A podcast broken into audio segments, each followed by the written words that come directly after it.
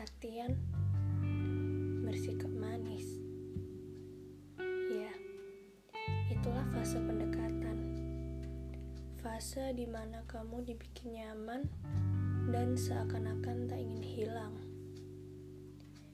Jika kamu marah, sedih, dan gelisah, dia selalu punya cara untuk memperbaikinya.